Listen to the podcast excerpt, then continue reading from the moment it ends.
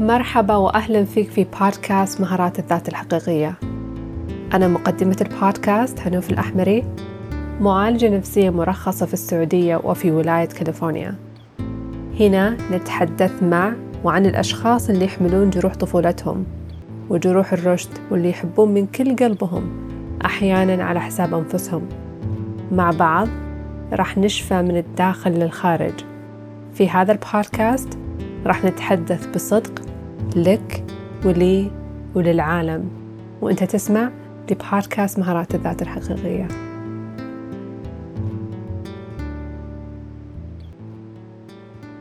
مرحبا فيك في الحلقة الأولى من بودكاست مهارات الذات الحقيقية. في حلقة اليوم راح نتعمق في عالم الصدمات النفسية. نتعرف على ما هي الصدمة النفسية وعلى مفاهيم مهمة مرتبطة بالصدمة النفسية وراح نتكلم عن أنواع الصدمات النفسية. فخلينا نبدأ هذه الحلقة. المفهوم المنتشر للصدمة النفسية هي أن الصدمة مرتبطة بأحداث معينة مثل الحروب والحوادث. لذلك هدفي في هذه الحلقة أني أعطيك مفهوم أعمق من هذا المفهوم. طب إيش هي الصدمة؟ الصدمة هي مو حدث صار في وقت ما في الماضي وهذا الحدث انتهى. الصدمة هي التأثير اللي يتركه هذا الحدث عليك. يكون عندك صعوبة في التكيف مع هذا الحدث. وصارت المحفزات اللي تعتبر طبيعية قبل الصدمة صارت تثير عندك مشاعر طاغية من اليأس أو مشاعر طاغية من الخوف أو غيرها من المشاعر. وكأن الصدمة جالسة تتكرر في حياتك الحالية. طب أنا ذكرت محفز. ممكن تتساءل إيش هو المحفز؟ المحفز مفهوم جدا مهم في فهم الصدمات النفسية. المحفز قد يكون شخص أو مكان أو شيء أو موقف أو حتى كلمة مرتبطة بالصدمة ويذكرك فيه سواء تتذكره بشكل واعي أو غير واعي. ومن اسمه محفز يحفز استجابة عاطفية قوية أو غير متوقعة أو تسبب في إنك تعيش الصدمة مرة ثانية وكأنها جالسة تحصل لك في الوقت الحالي. بعض الأمثلة للمحفزات هي المكان اللي حدثت فيه الصدمة. على سبيل المثال بيت الطفولة. لما تزور بيت الطفولة ممكن يحفز عندك مشاعر معينة أو استجابة غير متوقعة. أو مثلا قابلت شخص يشابه الشخص اللي سبب الصدمة. فيحفز عندك استجابة عاطفية معينة. قبل شوي ذكرت إنه المحفز يذكرك في الصدمة بشكل واعي أو غير واعي. إيش أقصد بشكل واعي أو غير واعي؟ في كثير من الأحيان قد تحفز وما تدري بأنك محفز. يعني ما تتذكر الصدمة من الماضي على شكل صور ذهنية أو ذكريات. لأن مخك حجب. هذه الذاكرة. لكن لا زالت تأثر عليك. معناته جسمك يستجيب للمحفز فيكون عندك استجابة عاطفية وجسدية. تظهر عليك أحاسيس جسدية معينة. مثلا نبضات قلبك تزيد أو يكون في شد في منطقة معينة من جسمك أو تشعر بالتنميل أو أي أحاسيس جسدية ثانية. فعقلك قد يحجب هذه الذاكرة لكن جسمك ما ينسى. لذلك الصدمة مو هو الحدث نفسه ولكن كيف إنك أدركت هذا الحدث وكيف تم تخزينه في جهازك العصبي. الصدمة مو فقط حدث صار لك الصدمة هي أيضا شيء ما صار لك مثل الرعاية والحماية اللي ما حصلت عليها في الطفولة لما كنت تحتاجها كطفل. وهنا تعكس مفهوم الإهمال الجسدي والإهمال العاطفي اللي يتعرض للطفل في فترة الطفولة. الصدمة يغير دماغ الإنسان تغيير جوهري مما يأثر على تجاربه في الحياة. والصدمة تخلي الشخص يتفاعل مع المحفزات الطبيعية وكأن الماضي يتكرر. فتصير هذه التجربة اللي حدثت في الماضي عايشة في حياتك في الوقت الحالي بشكل أو بآخر.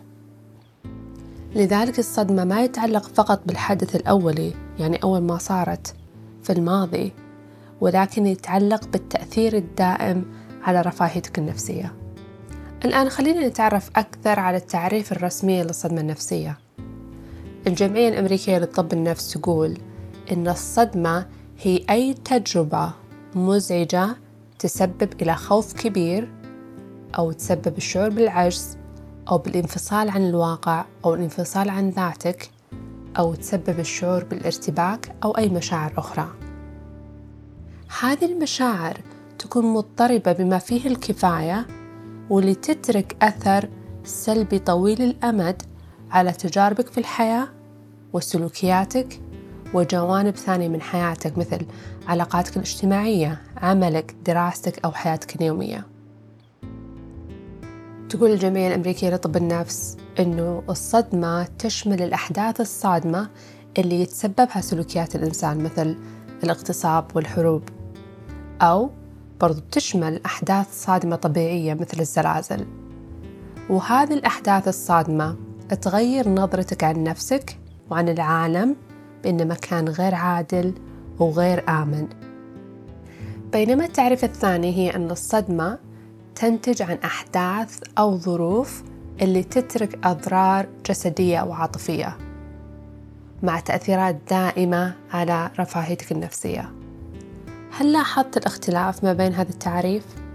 الجمعية الأمريكية لطب النفس تقول إنها أحداث كبيرة بينما التعريف الثاني تشمل على تجارب أوسع والتركيز يكون على الضرر المتصور والتأثيرات الدائمة ومو على نوع أو حجم الحدث الصادم. لذلك تعريف الصدمة بدأ يتوسع لأن في العيادات النفسية نتعامل مع مراجعين تظهر عليهم أعراض ما بعد الصدمة ومو بالضرورة أنهم تعرضوا لصدمات كبيرة.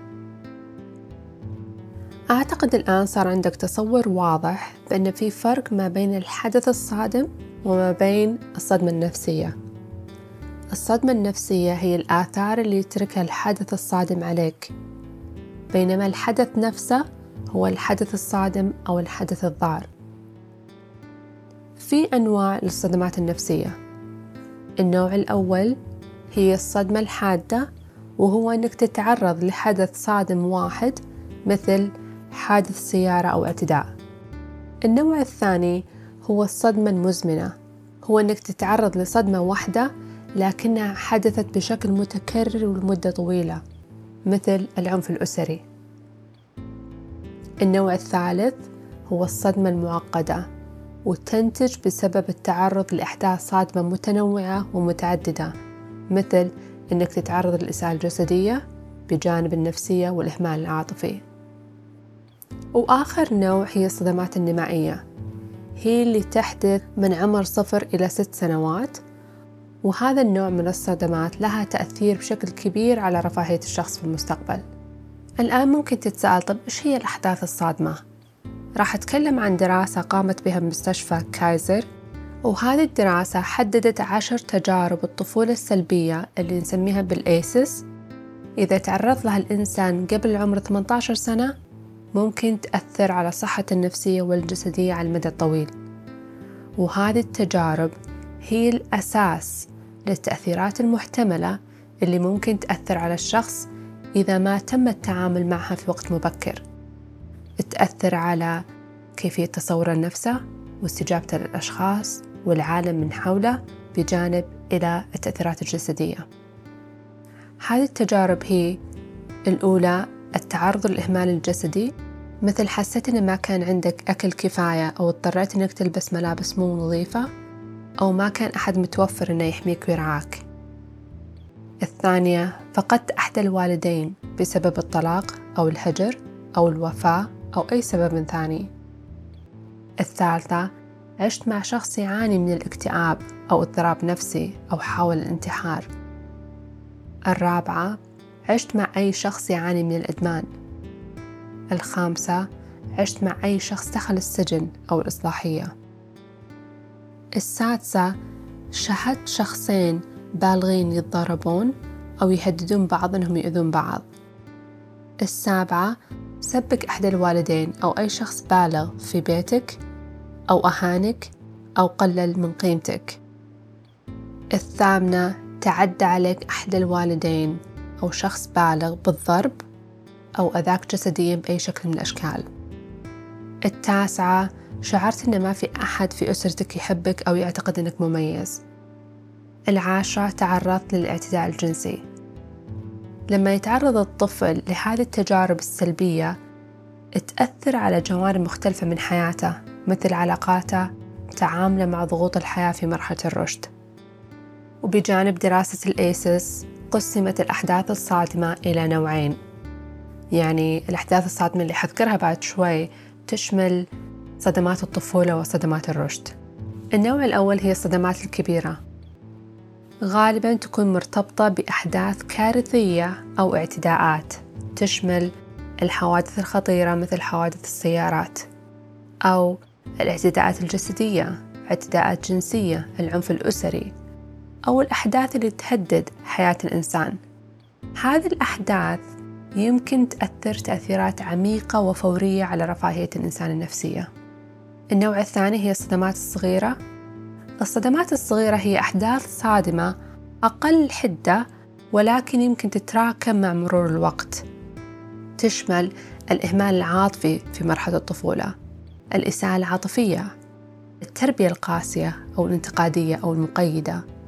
التعرض إلى التنمر المفرط أو الانتقاد المستمر أو أنك تعيش مع شخص عنده مشاكل مع الغضب مما يخليك متيقظ وخائف طول الوقت أو التعرض للخيانة التعرض للعنصرية الظلم أو التعرض للإحراج بسبب حجم جسمك أو فقدان أحد يعز عليك بشكل فجائي للموت أو الطلاق أو فقدان علاقة مهمة. في أبحاث أوجدت أنه التعرض المتكرر للصدمات الصغيرة ممكن تسبب ضرر عاطفي أكبر مما يسبب التعرض لصدمة كبيرة. لذلك تسمية الصدمات بصدمة كبيرة وصدمة صغيرة قد تكون نوعا ما مضللة. لكن المهم إنك تعرفه بأنه بغض النظر عن حجم الصدمة هي صدمة كبيرة أو صدمة صغيرة هي تأثر على الإنسان بشكل سلبي مثل تأثر على شعوره بعدم الأمان وتأثر على ثقته بنفسه وكفاءته الذاتية ومما يسبب مجموعة من الأعراض المؤلمة. وهذا اللي راح نتكلم عنه في حلقتنا الجاية. وأخيرا من المهم أننا نفهم أن الصدمة هي تجربة شخصية. معناته تأثيراتها تختلف من شخص إلى آخر. الشيء اللي ممكن ما تعتبره صدمة قد تكون صدمة لشخص آخر. وهذه حلقتنا الأولى. شكرا لك على الاستماع.